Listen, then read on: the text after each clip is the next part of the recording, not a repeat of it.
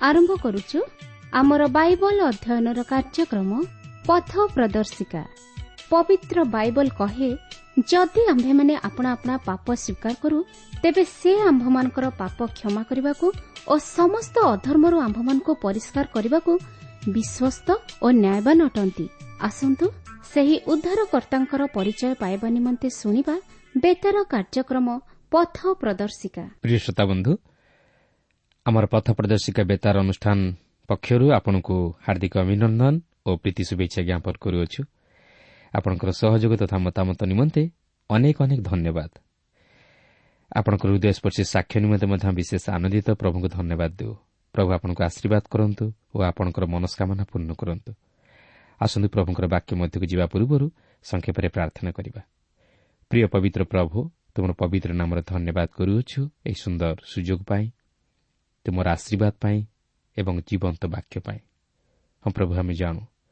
ତୁମର ବାକ୍ୟ ହିଁ ଆମମାନଙ୍କ ନିମନ୍ତେ ଶାନ୍ତିଦାୟକ ସାନ୍ତ୍ୱନାଦାୟକ ଭରସାଦାୟକ ଶକ୍ତିଦାୟକ। ତେଣୁ ପ୍ରଭୁ ତୁମର ବାକ୍ୟ ମଧ୍ୟ ଦେଇ ତୁମେ ଆଜି ଆମମାନଙ୍କ ପ୍ରତ୍ୟେକ ସହିତ କଥା କୁହ।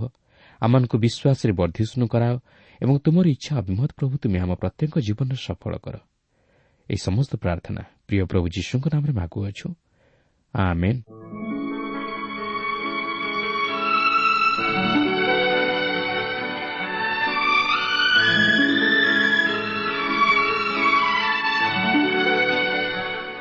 ଆସନ୍ତୁ ବର୍ତ୍ତମାନ ଆମେ ପ୍ରଭୁଙ୍କର ବାକ୍ୟ ମଧ୍ୟକୁ ଯିବା। ଆଜି ଆମେ ରୋମିଓ ବାର ପର୍ବର ଦଶ ପଦରୁ ଆରମ୍ଭ କରି ତେର ପର୍ବର ଚାରିପଦ ପର୍ଯ୍ୟନ୍ତ ଅଧ୍ୟୟନ କରିବା ନିମନ୍ତେ ଯିବା। ତେବେ ଏଠାରେ ମୁଁ ଆପଣଙ୍କୁ ସ୍କରଣ କରାଇଦିଏ ଯେ ଗତ ପାଠରେ ଆମେ କିପରି ନିଜର ଶରୀରକୁ ସଜୀବ ପବିତ୍ର ଓ ଈଶ୍ୱରଙ୍କ ସୁଗ୍ରାହ୍ୟ ବଳି ରୂପେ ଉତ୍ସର୍ଗ କରିପାରିବା ଓ ଖ୍ରୀଷ୍ଟ ବିଶ୍ୱାସୀର ଈଶ୍ୱରଙ୍କ ଦାନ ସହିତ କିପରି ସମ୍ପର୍କ ଖ୍ରୀଷ୍ଟ ବିଶ୍ୱାସୀ ସହିତ କିପରି ସମ୍ପର୍କ ସ୍ଥାପନ କରିବା ଉଚିତ ସେହି ବିଷୟରେ ଅଧ୍ୟୟନ କରି ଆଲୋଚନା କରିଥିଲୁ। ଆଜି ଆମେ ସେହି ଖ୍ରୀଷ୍ଟ ବିଶ୍ୱାସୀ ଅନ୍ୟ ଜଣେ ଖ୍ରୀଷ୍ଟ ବିଶ୍ୱାସୀ ସହିତ କିପରି ସମ୍ପର୍କ ସ୍ଥାପନ କରିବା ଉଚିତ ତହିଁର ଅବଶିଷ୍ଟାଂଶ ଲକ୍ଷ୍ୟ କରିବାକୁ ଯିବା। ଦେଖନ୍ତୁ ବାର ପର୍ବର ଦଶ ଓ ଏଗାର ପଦରେ ଏହିପରି ଲେଖା ଅଛି। ଭ୍ରାତୃପ୍ରେମରେ ପରସ୍କର ପ୍ରତି ସ୍ନେହଶୀଳ ହୁଅ ସମାଦରରେ ପରସ୍କରକୁ ଶ୍ରେଷ୍ଠ ଜ୍ଞାନ କର ଉଦ୍ଯୋଗରେ ଶିଥିଳ ହୁଅ ନାହିଁ ଆତ୍ମାରେ ଉତ୍ତପ୍ତ ହୁଅ ଏଠାରେ ଲେଖା ଅଛି ଭ୍ରାତୃପ୍ରେମରେ ପରସ୍କର ପ୍ରତି ସ୍ନେହଶୀଳ ହୁଅ। ଅନ୍ୟ ଅର୍ଥରେ କହିବାକୁ ଗଲେ ପରିବାର ମଧ୍ୟରେ ଭାଇ ପ୍ରତି ଭାଇର ଯେଉଁ ସ୍ନେହ ସେହିପରି ପରସ୍କର ପ୍ରତି ପାରିବାରିକ ସ୍ନେହ ପ୍ରକାଶ କର। ଅର୍ଥାତ୍ ଭାଇମାନଙ୍କୁ ଏପରି ବିଶ୍ୱାସର ସହିତ ପ୍ରେମ କର ସତେ ଯେପରି ସେମାନେ ରକ୍ତର ଭାଇ। ଆମେ ପ୍ରତ୍ୟେକ ଜାଣି ରଖିବା ଉଚିତ ଯେ ଆମେ ପ୍ରତ୍ୟେକ ଗୋଟିଏ ପରିବାର ମଧ୍ୟରୁ ଆସିଅଛୁ। ଓ ଆମେ ସେହିପରି ପରସ୍କରକୁ ପ୍ରେମ କରିବା ଉଚିତ। କାରଣ ପ୍ରତ୍ୟେକ ଖ୍ରୀଷ୍ଟ ବିଶ୍ୱାସୀ ଜାଣି ରଖିବା ଉଚିତ ଯେ ସେମାନେ ଖ୍ରୀଷ୍ଟଙ୍କର ଓ ସେମାନେ ଖ୍ରୀଷ୍ଟଙ୍କଠାରେ ଏକ। ପ୍ରିୟ ବନ୍ଧୁ ଆପଣ ଆପଣଙ୍କ ସହ ବିଶ୍ୱାସୀ ସହିତ ପ୍ରେମରେ ଓ ସ୍ନେହରେ ଆଚରଣ କରି ଉତ୍ତମ ସମ୍ପର୍କ ସ୍ଥାପନ କରିବା ଉଚିତ। କାରଣ ଆପଣ ତାହାଙ୍କ ସହିତ ଅନନ୍ତକାଳ ପର୍ଯ୍ୟନ୍ତ ବସବାସ କରିବାକୁ ହେବ। ସମାଦରରେ ପରସ୍କରକୁ ଶ୍ରେଷ୍ଠ ଜ୍ଞାନ କର। ଅର୍ଥାତ୍ ନିଜଠାରୁ ଅନ୍ୟ ବିଶ୍ୱାସୀକୁ ଶ୍ରେଷ୍ଠ ଜ୍ଞାନ କରିବା ବା ନିଜଠାରୁ ଅନ୍ୟକୁ ଉତ୍ତମ ବୋଲି ବିବେଚନା କରିବା ଉଦ୍ଯୋଗରେ ଶିଥିଳ ହୁଅ ନାହିଁ ଅର୍ଥାତ୍ ପ୍ରଭୁଙ୍କ ବିଷୟରେ ଉଦ୍ୟୋଗୀ ହୁଅ ମାତ୍ର ଅଳସୁଆ ହୁଅ ନାହିଁ ବା ତହିଁରେ ଥଣ୍ଡା ପଡ଼ିଯାଅ ନାହିଁ। ପ୍ରଭୁଙ୍କ ନିମନ୍ତେ କିଛି ଉତ୍ତମ ବିଷୟ ସାଧନ କରିବା ନିମନ୍ତେ ମନରେ ଯଦି ପ୍ରେରଣା ଆସୁଅଛି ତାହେଲେ ତହିଁରେ ହେଳା କରନ୍ତୁ ନାହିଁ। ମାତ୍ର ସଙ୍ଗେ ସଙ୍ଗେ ତାହା ସାଧନ କରନ୍ତୁ। ଅନେକ ଅଛନ୍ତି ପ୍ରଭୁଙ୍କ ନିମନ୍ତେ ଅନେକ କିଛି ବିଷୟ ସାଧନ କରିବା ନିମନ୍ତେ ଆଗ୍ରହ ପ୍ରକାଶ କରନ୍ତି ଓ କିଛିଦିନ ଉଦ୍ୟୋଗର ସହିତ ତାହା କରନ୍ତି ମାତ୍ର କିଛିଦିନ ପରେ ତହିଁରେ ଶିଥିଳ ପଡ଼ିଯାଆନ୍ତି। ଏପରିକି ଅନେକ ପ୍ରଭୁଙ୍କ ନିମନ୍ତେ ମହତ୍ କର୍ମମାନ ସାଧନ କରିବା ନିମନ୍ତେ ଉଦ୍ୟୋଗୀ ହୋଇ ଶପଥ କରନ୍ତି। ଏପରିକି ମାନତ ମଧ୍ୟ କରନ୍ତି ମାତ୍ର ପରେ ତାହା ସାଧନ କରିପାରନ୍ତି ନାହିଁ। ସେମାନଙ୍କର ଉଦ୍ୟୋଗରେ ଥଣ୍ଡା ପଡ଼ିଯାଏ। କିନ୍ତୁ ପ୍ରଭୁଙ୍କର ବାକ୍ୟ କହେ ଆମ୍ଭେମାନେ ଯେଉଁ ଉଦ୍ୟୋଗରେ ଉଦ୍ୟୋଗୀ ହେଉ ତହିଁରେ ଯେପରି ହେଳା ନ କରୁ। ଆତ୍ମାରେ ଉତ୍ତପ୍ତ ହୁଅ ଅର୍ଥାତ୍ ଆମମାନଙ୍କର ଉଦ୍ୟୋଗ ବା ଆଗ୍ରହ ପବିତ୍ର ଆତ୍ମାଙ୍କ ନିୟନ୍ତ୍ରଣାଧୀନ ହେବା ଆବଶ୍ୟକ। ଆତ୍ମାଙ୍କର ଚାଳନା ବା ପ୍ରେରଣାରେ ପରିଚାଳିତ ହେବା ଆବଶ୍ୟକ।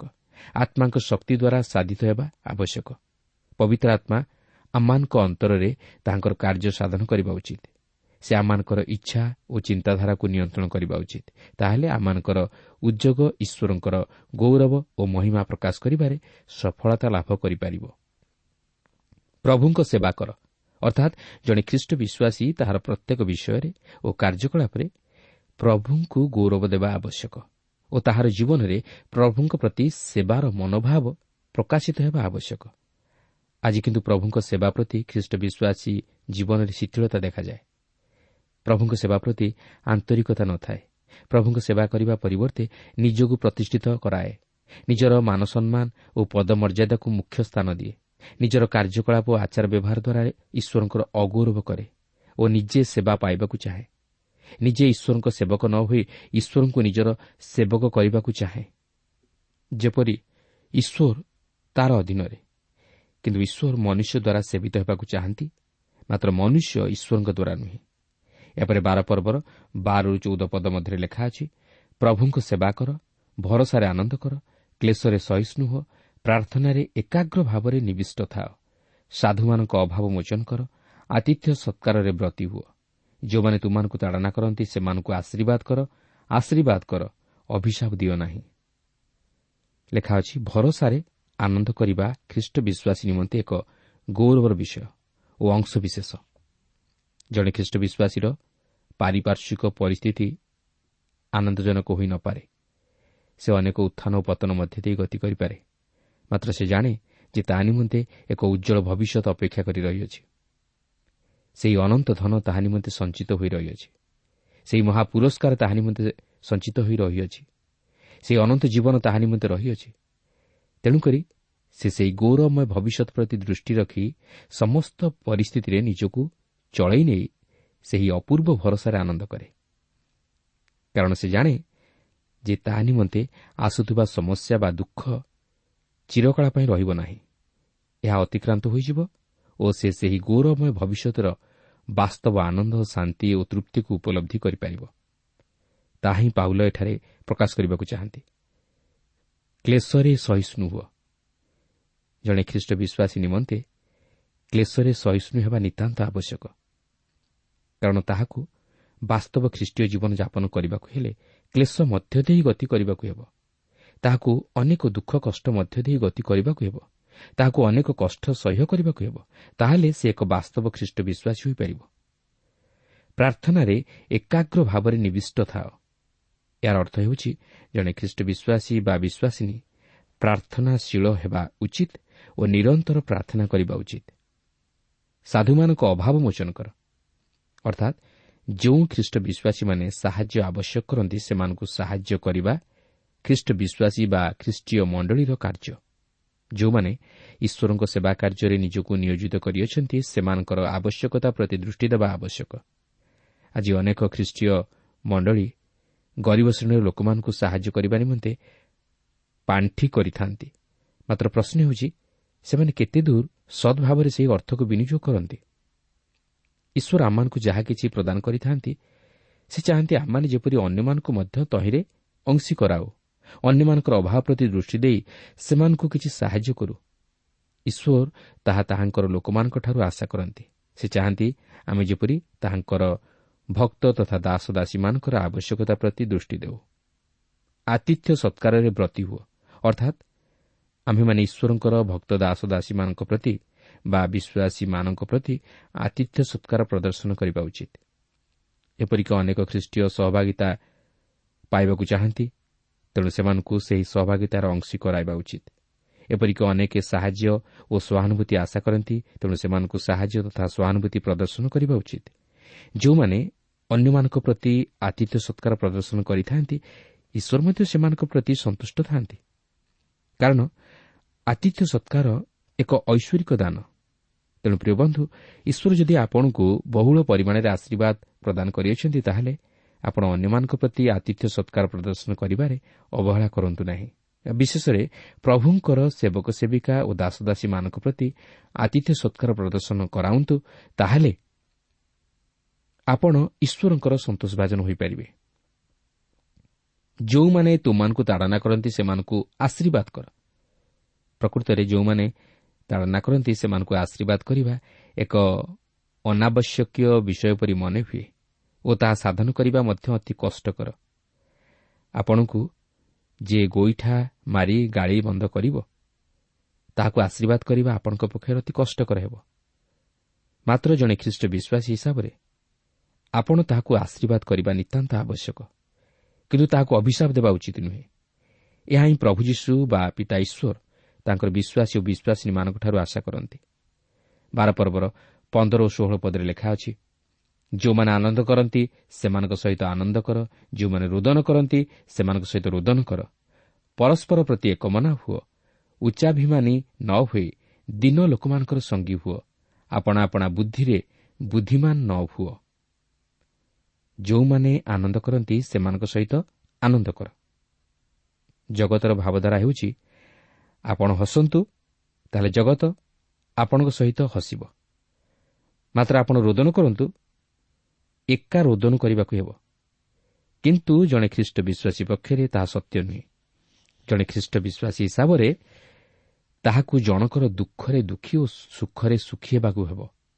ଜଣକର ଆନନ୍ଦ ଓ ଦୁଃଖରେ ମଧ୍ୟ ସହଭାଗୀ ହେବାକୁ ହେବ। ଯେଉଁମାନେ ରୋଦନ କରନ୍ତି ସେମାନଙ୍କ ସହିତ ରୋଦନ କର। କଥାରେ ଅଛି ବିପଦର ବନ୍ଧୁ ପ୍ରକୃତ ବନ୍ଧୁ। ସୁଖରେ ସହଭାଗୀ ହେବା ଅତି ସହଜ। ମାତ୍ର ଦୁଃଖରେ ସହଭାଗୀ ହେବା ଅତି କଷ୍ଟ। ସମସ୍ତେ ସୁଖର ସାଥୀ। ମାତ୍ର ଦୁଃଖର ସାଥୀ ନୁହନ୍ତି। କିନ୍ତୁ ଈଶ୍ୱରଙ୍କ ବାକ୍ୟ କହେ ଆମେ କେବଳ ସୁଖରେ ସାଥୀ ହେବା ତାହା ନୁହେଁ ମାତ୍ର ଦୁଃଖରେ ସାଥୀ ହେବା ମଧ୍ୟ ନିତାନ୍ତ ଆବଶ୍ୟକ। ପରସ୍ପର ପ୍ରତି ଏକମନା ହୁଅ। ଏହାର ଅର୍ଥ ନୁହେଁ ଏକ ଚିନ୍ତାଧାରା ମାତ୍ର ଖ୍ରୀଷ୍ଟଙ୍କ ମନ ଧାରଣ କରି ପରସ୍ପର ପ୍ରତି ସମଭାବାପନ୍ନ ହେବା ଉଚିତ। ଖ୍ରୀଷ୍ଟ ବିଶ୍ୱାସୀମାନେ ଭାବପ୍ରବଣ ହୋଇ ଅନ୍ୟ ଖ୍ରୀଷ୍ଟ ବିଶ୍ୱାସୀମାନଙ୍କ ଜୀବନରେ ପ୍ରବେଶ କରିବା ଉଚିତ। ତାହା ହିଁ ହେଉଛି ବାସ୍ତବ ଖ୍ରୀଷ୍ଟ ବିଶ୍ୱାସୀର ପରିଚୟ। ଉଚ୍ଚାଭିମାନୀ ନ ହୋଇ ଦିନ ଲୋକମାନଙ୍କର ସଙ୍ଗୀ ହୁଅ। ଏହା ଏକ ଚମତ୍କାର ବିଷୟକୁ ପ୍ରକାଶ କରେ। ସେଥିପାଇଁ ପ୍ରେରିତ ପାଉଲ ଫିଲିପିଓ ମଣ୍ଡଳୀ ନିକଟକୁ ଏହିପରି ଲେଖନ୍ତି ଖ୍ରୀଷ୍ଟ ଯୀଶୁଙ୍କର ଯେପରି ମନ ଥିଲା ତୁମମାନଙ୍କର ସେହିପରି ମନ ହେଉ। ତାହେଲେ ଖ୍ରୀଷ୍ଟ ଯୀଶୁଙ୍କର ମନ କେଉଁପରି ଥିଲା? ତାହାଙ୍କର ମନ ନମ୍ରତା ବିଶିଷ୍ଟ ଥିଲା। ତେଣୁ ଜଣେ ଖ୍ରୀଷ୍ଟ ବିଶ୍ୱାସୀ ନିଜକୁ ବଡ଼ ମନେ ନ କରି ଦିନ ଦରିଦ୍ରମାନଙ୍କର ସଙ୍ଗୀ ହେବା ଆବଶ୍ୟକ। ସେମାନଙ୍କ ସହ ସହଭାଗିତା ସ୍ଥାପନ କରିବା ଆବଶ୍ୟକ। ନିଜକୁ ନମ୍ର କରି ସେମାନଙ୍କ ସହ ବନ୍ଧୁତା ସ୍ଥାପନ କରିବା ଆବଶ୍ୟକ। ପ୍ରଭୁ ଶ୍ରୀଖ୍ରୀଷ୍ଟ ମଧ୍ୟ ଦିନ ଦରିଦ୍ର ତଥା ସମାଜରେ ଯେଉଁମାନେ ଅବହେଳିତ ହେଉଥିଲେ ସେମାନଙ୍କର ସଙ୍ଗୀ ହୋଇଥିଲେ। ଏପରିକି ସେ ପାପି ତଥା ଅଧାର୍ମିକମାନଙ୍କ ସହ ମଧ୍ୟ ବସି ଭୋଜନ କରିଥିଲେ ଓ ସେମାନଙ୍କ ନିମନ୍ତେ ନିଜକୁ ପ୍ରାୟଶ୍ଚିତ ବଳି ସ୍ୱରୂପେ ଉତ୍ସର୍ଗ କରିଥିଲେ। ତେଣୁ ଜଣେ ଖ୍ରୀଷ୍ଟ ବିଶ୍ୱାସୀର ଜୀବନରେ ମଧ୍ୟ ସେହିପରି ନମ୍ରତା ସେ ଆଶା କରନ୍ତି। ଆପଣା ଆପଣା ବୁଦ୍ଧିରେ ବୁଦ୍ଧିମାନ ନ ହୁଅ। ଅନ୍ୟ ଅର୍ଥରେ କହିବାକୁ ଗଲେ ନିଜର ଚିନ୍ତାଧାରା ଓ ମତାମତ ଅନୁଯାୟୀ ନିଜକୁ ବୁଦ୍ଧିମାନ ବୋଲି ଚିନ୍ତା କର ନାହିଁ। ଆଜି ଅନେକ ପ୍ରଭୁଙ୍କର ଭକ୍ତମାନେ ନିଜକୁ ଆତ୍ମିକ ଜୀବନରେ ଏକ ଏକ ଯୋଦ୍ଧା ଭାବେ ବିଚାର କରନ୍ତି ଓ ସେମାନଙ୍କର ଚିନ୍ତାଧାରା ଓ ମତାମତରେ ଅଟଳ ରୁହନ୍ତି। ମାତ୍ର ସେମାନେ ପ୍ରକୃତରେ ଆତ୍ମିକ ଯୋଦ୍ଧା ନୁହନ୍ତି। ଜ୍ଞାନୀ ରାଜା ସଲୋମନ ଯିଏକି ଈଶ୍ୱରଙ୍କଠାରୁ ଜ୍ଞାନ ପ୍ରାପ୍ତ ହୋଇଥିଲେ ସେ ମଧ୍ୟ ଏହି ବିଷୟ ନେଇ ଏହିପରି ପ୍ରକାଶ କରନ୍ତି ଯାହାକି ହିତୋପଦେଶ ଛବିଶ ପର୍ବର ବାରପଦରେ ଲେଖା ଅଛି ଯେ ଆପଣା ଦୃଷ୍ଟିରେ ଜ୍ଞାନୀ ଏପରି ଲୋକକୁ ଦେଖୁଅଛ କି? ତାହା ଅପେକ୍ଷା ମୂର୍ଖ ବିଷୟରେ ଅଧିକ ଭରସା ଅଛି। ତେଣୁ ଯେଉଁ ମନୁଷ୍ୟ ଆପଣଙ୍କୁ ଜ୍ଞାନୀ ବୋଲି ବିଚାର କରେ ସେ ପ୍ରକୃତରେ ଜ୍ଞାନୀ ନୁହେଁ। ଯେ ଜ୍ଞାନୀ ସେ କେବେ ହେଲେ ନିଜକୁ ଜ୍ଞାନୀ ବୋଲି ବିଚାର କରିବ ନାହିଁ। ମାତ୍ର ଅନ୍ୟମାନଙ୍କ ଦୃଷ୍ଟିରେ ସେ ଜ୍ଞାନୀ ବୋଲି ବିଚାରିତ ହୁଏ।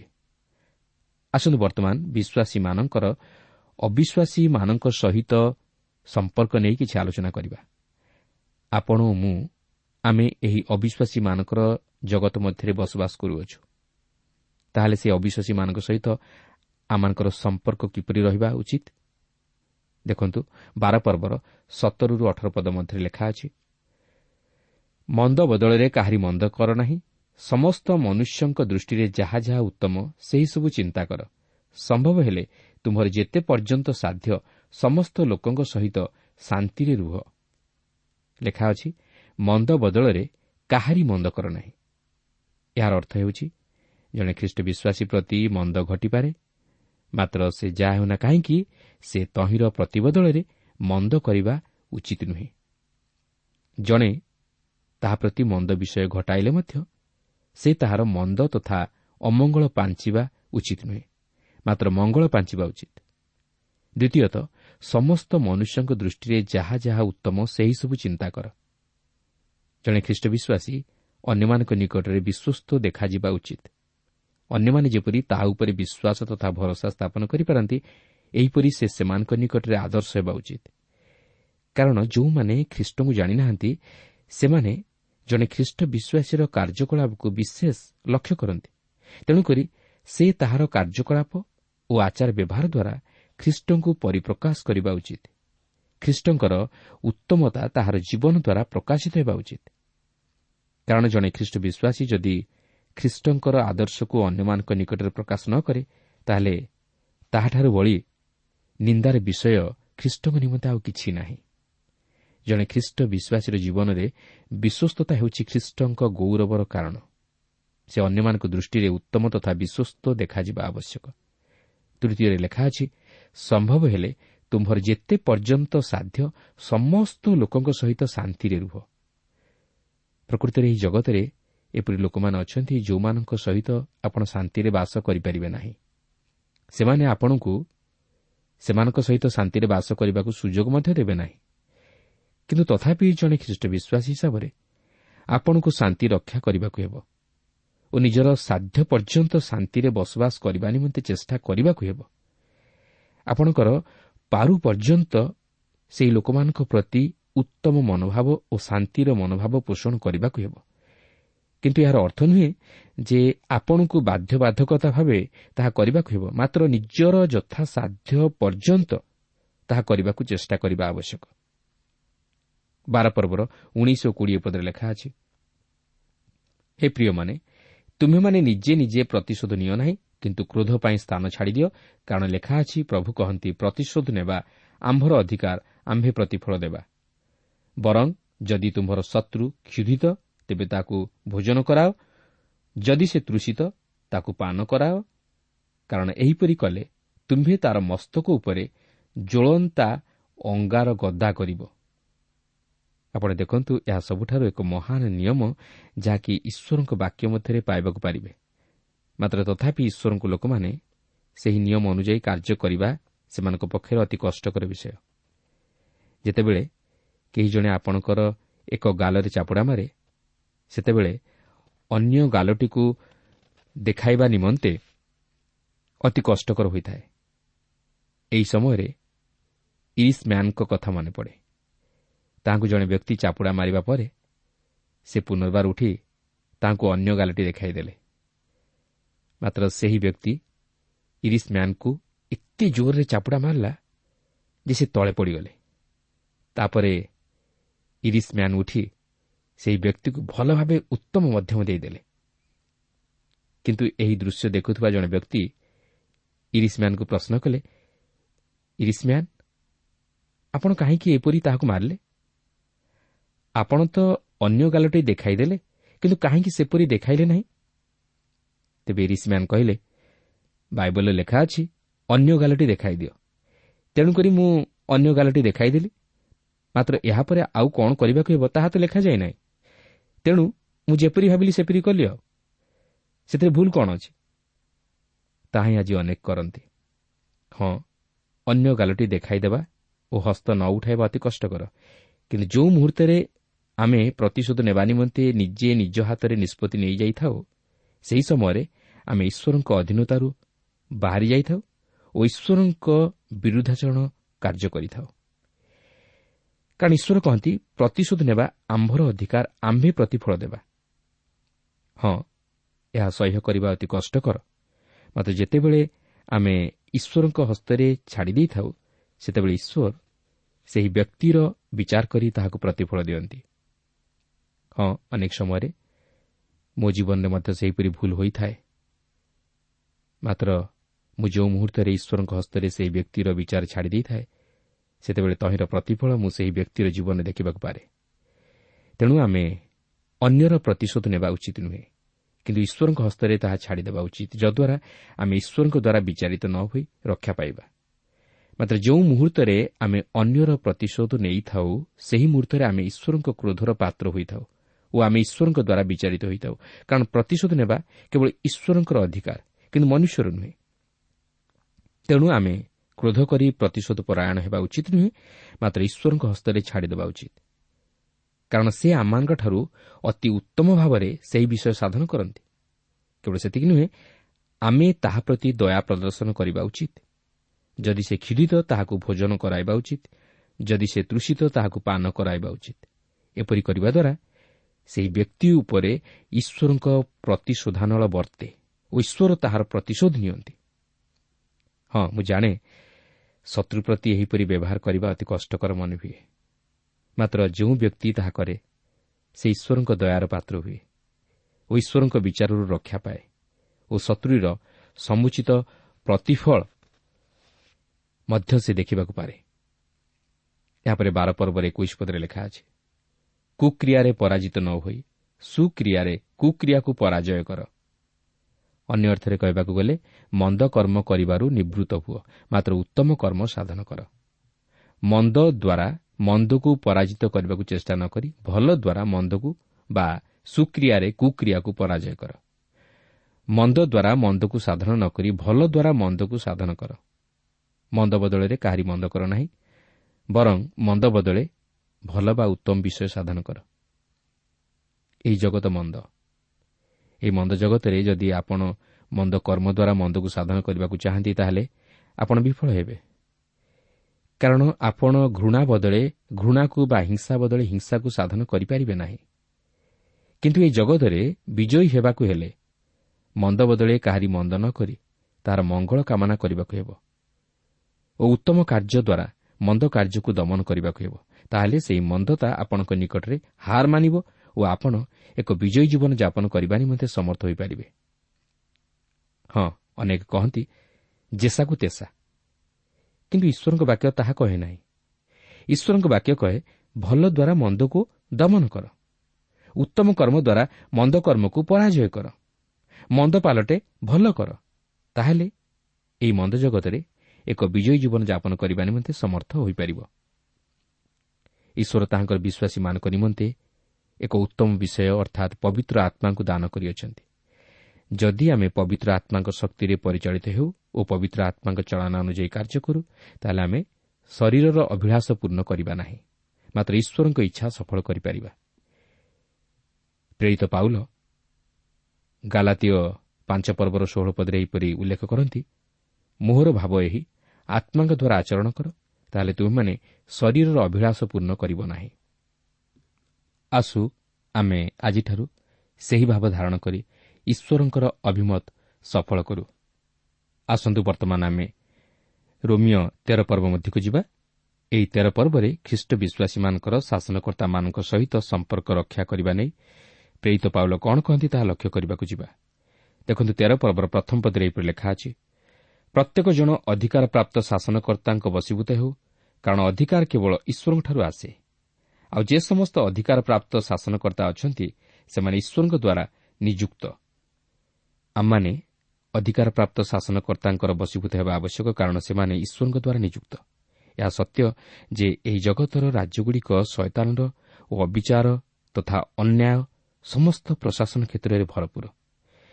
କିନ୍ତୁ ତଥାପି ସେହି ସମସ୍ତ ଈଶ୍ୱରଙ୍କର କର୍ତ୍ତୃତ୍ୱ ଅଧୀନରେ ଏକ ସରକାର କିଭଳି ଏକ ସମୟରେ ଅଗ୍ରଗତି କରେ ଓ ଏହାପରେ ତାହାର ଧ୍ୱଂସ ଓ ବିଲୟ ଘଟେ ତାହା ଇତିହାସ ପ୍ରକାଶ କରେ। କିନ୍ତୁ କାହିଁକି ଏପରି ଘଟେ? ଏହାର କାରଣ ହେଉଛି ଅନ୍ୟାୟ ଅନୀତି ଓ ଅଧର୍ମର ମାତ୍ରା ବଢ଼ିଚାଲେ ଯଦ୍ୱାରା ଈଶ୍ୱର ତାହାର ପତନ ଘଟାନ୍ତି। କାରଣ ଈଶ୍ୱର ସବୁର ଉପରେ କର୍ତ୍ତା ଓ ସେ ବର୍ତ୍ତମାନ ମଧ୍ୟ କର୍ତ୍ତୃତ୍ୱ କରନ୍ତି। ଏପରିକି ଏହି ପୃଥିବୀ ଉପରେ ମଧ୍ୟ କର୍ତ୍ତୃତ୍ୱ କରନ୍ତି। ଈଶ୍ୱର ତାଙ୍କର ସିଂହାସନ ପରିତ୍ୟାଗ କରିନାହାନ୍ତି। ସେ ବିଜୟର ସହିତ ରଥାରୋହଣ କରୁଅଛନ୍ତି। ଏହି ପୃଥିବୀ ମଧ୍ୟରେ ଯେଉଁ ସମସ୍ତ ଜଘନ୍ୟ ବିଷୟ ସବୁ ଘଟୁଅଛି ତହିଁ ନିମନ୍ତେ ସେ ବିଚଳିତ ନୁହନ୍ତି। ସେ ତାହାଙ୍କର ସୃଷ୍ଟ ଜଗତକୁ ଭୁଲି ଯାଇନାହାନ୍ତି କି ଦୂରେଇ ଦେଇନାହାନ୍ତି ସେ ତାହାଙ୍କର କର୍ତ୍ତାପଣ ଏବେ ବି ଜାରି ରଖିଅଛନ୍ତି। ସେ ତହିଁରୁ ଓହରି ଯାଇନାହାନ୍ତି ତେଣୁ ସବୁକିଛି ତାହାଙ୍କର ନିୟନ୍ତ୍ରଣାଧୀନ ଏପରିକି ଏହି ଜଗତର ପ୍ରଶାସନ ମଧ୍ୟ ତାହାଙ୍କର ନିୟନ୍ତ୍ରଣାଧୀନ। ତେଣୁକରି ଖ୍ରୀଷ୍ଟ ବିଶ୍ୱାସୀ ସେହି ସ୍ୱର୍ଗୀୟ ସିଂହାସନ ପ୍ରତି ଆନୁଗତ୍ୟ ସ୍ୱୀକାର କରିବା ଉଚିତ ଓ ଏହି ଜଗତରେ ଥିବା ସରକାର ପ୍ରତି ବଶୀଭୂତ ହେବା ଉଚିତ। ଜଗତର ରାଜା ମହାରାଜା ଓ ଶାସନକର୍ତ୍ତାମାନେ ମୃତ୍ୟୁବରଣ କରିପାରନ୍ତି। କିନ୍ତୁ ଈଶ୍ୱର ଅନନ୍ତକାଳ ପର୍ଯ୍ୟନ୍ତ ଜୀବିତ ଓ ତାହାଙ୍କର ରାଜତ୍ୱ ଅନନ୍ତକାଳ ସ୍ଥାୟୀ ତେଣୁ ଏହି ଜଗତ ମଧ୍ୟରେ ସେ ଯେଉଁ ଶାସନକର୍ତ୍ତାମାନଙ୍କୁ ନିଯୁକ୍ତି ଦେଇଅଛନ୍ତି ସେମାନଙ୍କର ବଶୀଭୂତ ହେବା ନିତାନ୍ତ ଆବଶ୍ୟକ। ଏହାପରେ ତେର ପର୍ବର ଦୁଇ ପଦରେ ଲେଖା ଅଛି ଅତଏବ ଯେ ଅଧିକାର ପ୍ରତିରୋଧ କରେ ସେ ଈଶ୍ୱରଙ୍କ ବିଧାନର ପ୍ରତିରୋଧ କରେ ପୁଣି ଯେଉଁମାନେ ପ୍ରତିରୋଧ କରନ୍ତି ସେମାନେ ଆପଣା ଆପଣା ଉପରେ ଦଣ୍ଡ ଘଟାଇବେ। ଅନ୍ୟ ଅର୍ଥରେ କହିବାକୁ ଗଲେ ଯେଉଁମାନେ ଅଧିକାର ପ୍ରାପ୍ତ ଶାସନକର୍ତ୍ତାମାନଙ୍କର ପ୍ରତିରୋଧ କରନ୍ତି ସେମାନେ ଈଶ୍ୱରଙ୍କ ବିଧାନର ପ୍ରତିରୋଧ କରନ୍ତି ଓ ସେମାନେ ଆପଣା ଆପଣା ଉପରେ ଦଣ୍ଡ ଘଟାନ୍ତି। ତେବେ ଏହି ପଦଟି ଖ୍ରୀଷ୍ଟ ବିଶ୍ୱାସୀକୁ କୌଣସି ବିଦ୍ରୋହ ବା ବିପ୍ଳବରେ ଅଂଶଗ୍ରହଣ କରିବାକୁ ସୁଯୋଗ ନ ଦେବା ପରି ଜଣାଯାଏ କିନ୍ତୁ ସେପରି ନୁହେଁ।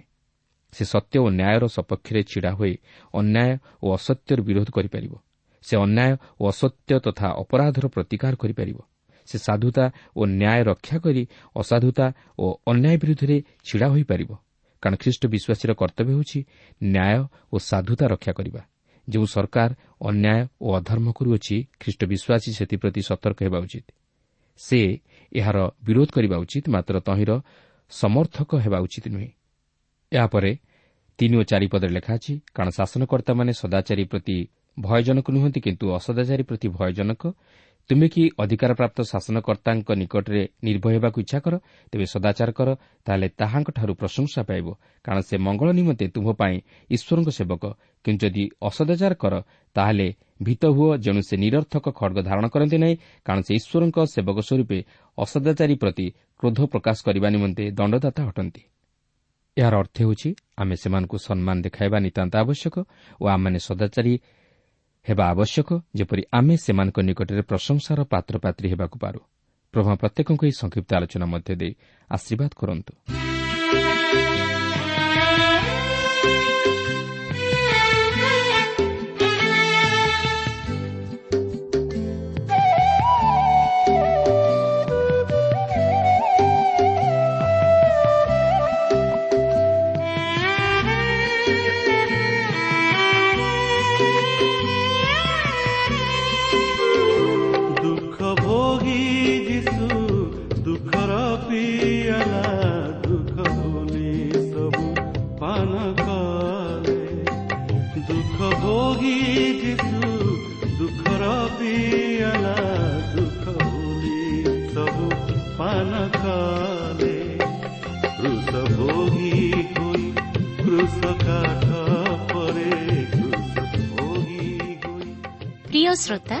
କାର୍ଯ୍ୟକ୍ରମ ଶୁଣିଥିବାରୁ ଆପଣଙ୍କୁ ଅଶେଷ ଧନ୍ୟବାଦ। ଏହି କାର୍ଯ୍ୟକ୍ରମ ଆପଣଙ୍କୁ କିପରି ଲାଗିଲା ଓ କେଉଁ ବିଷୟଟି ଆପଣଙ୍କ ହୃଦୟକୁ ଅଧିକ ସ୍ପର୍ଶ କରିଛି ତାହା ଲେଖି ଜଣାଇଲେ ଆମେ ବିଶେଷ ଉପକୃତ ହେବୁ। ଯଦି କିଛି ପ୍ରଶ୍ନ ବା ସନ୍ଦେହ ଥାଏ ତାହା ପତ୍ର ମାଧ୍ୟମରେ ଅଥବା ଟେଲିଫୋନ୍ ଯୋଗେ ଆମକୁ ଜଣାନ୍ତୁ।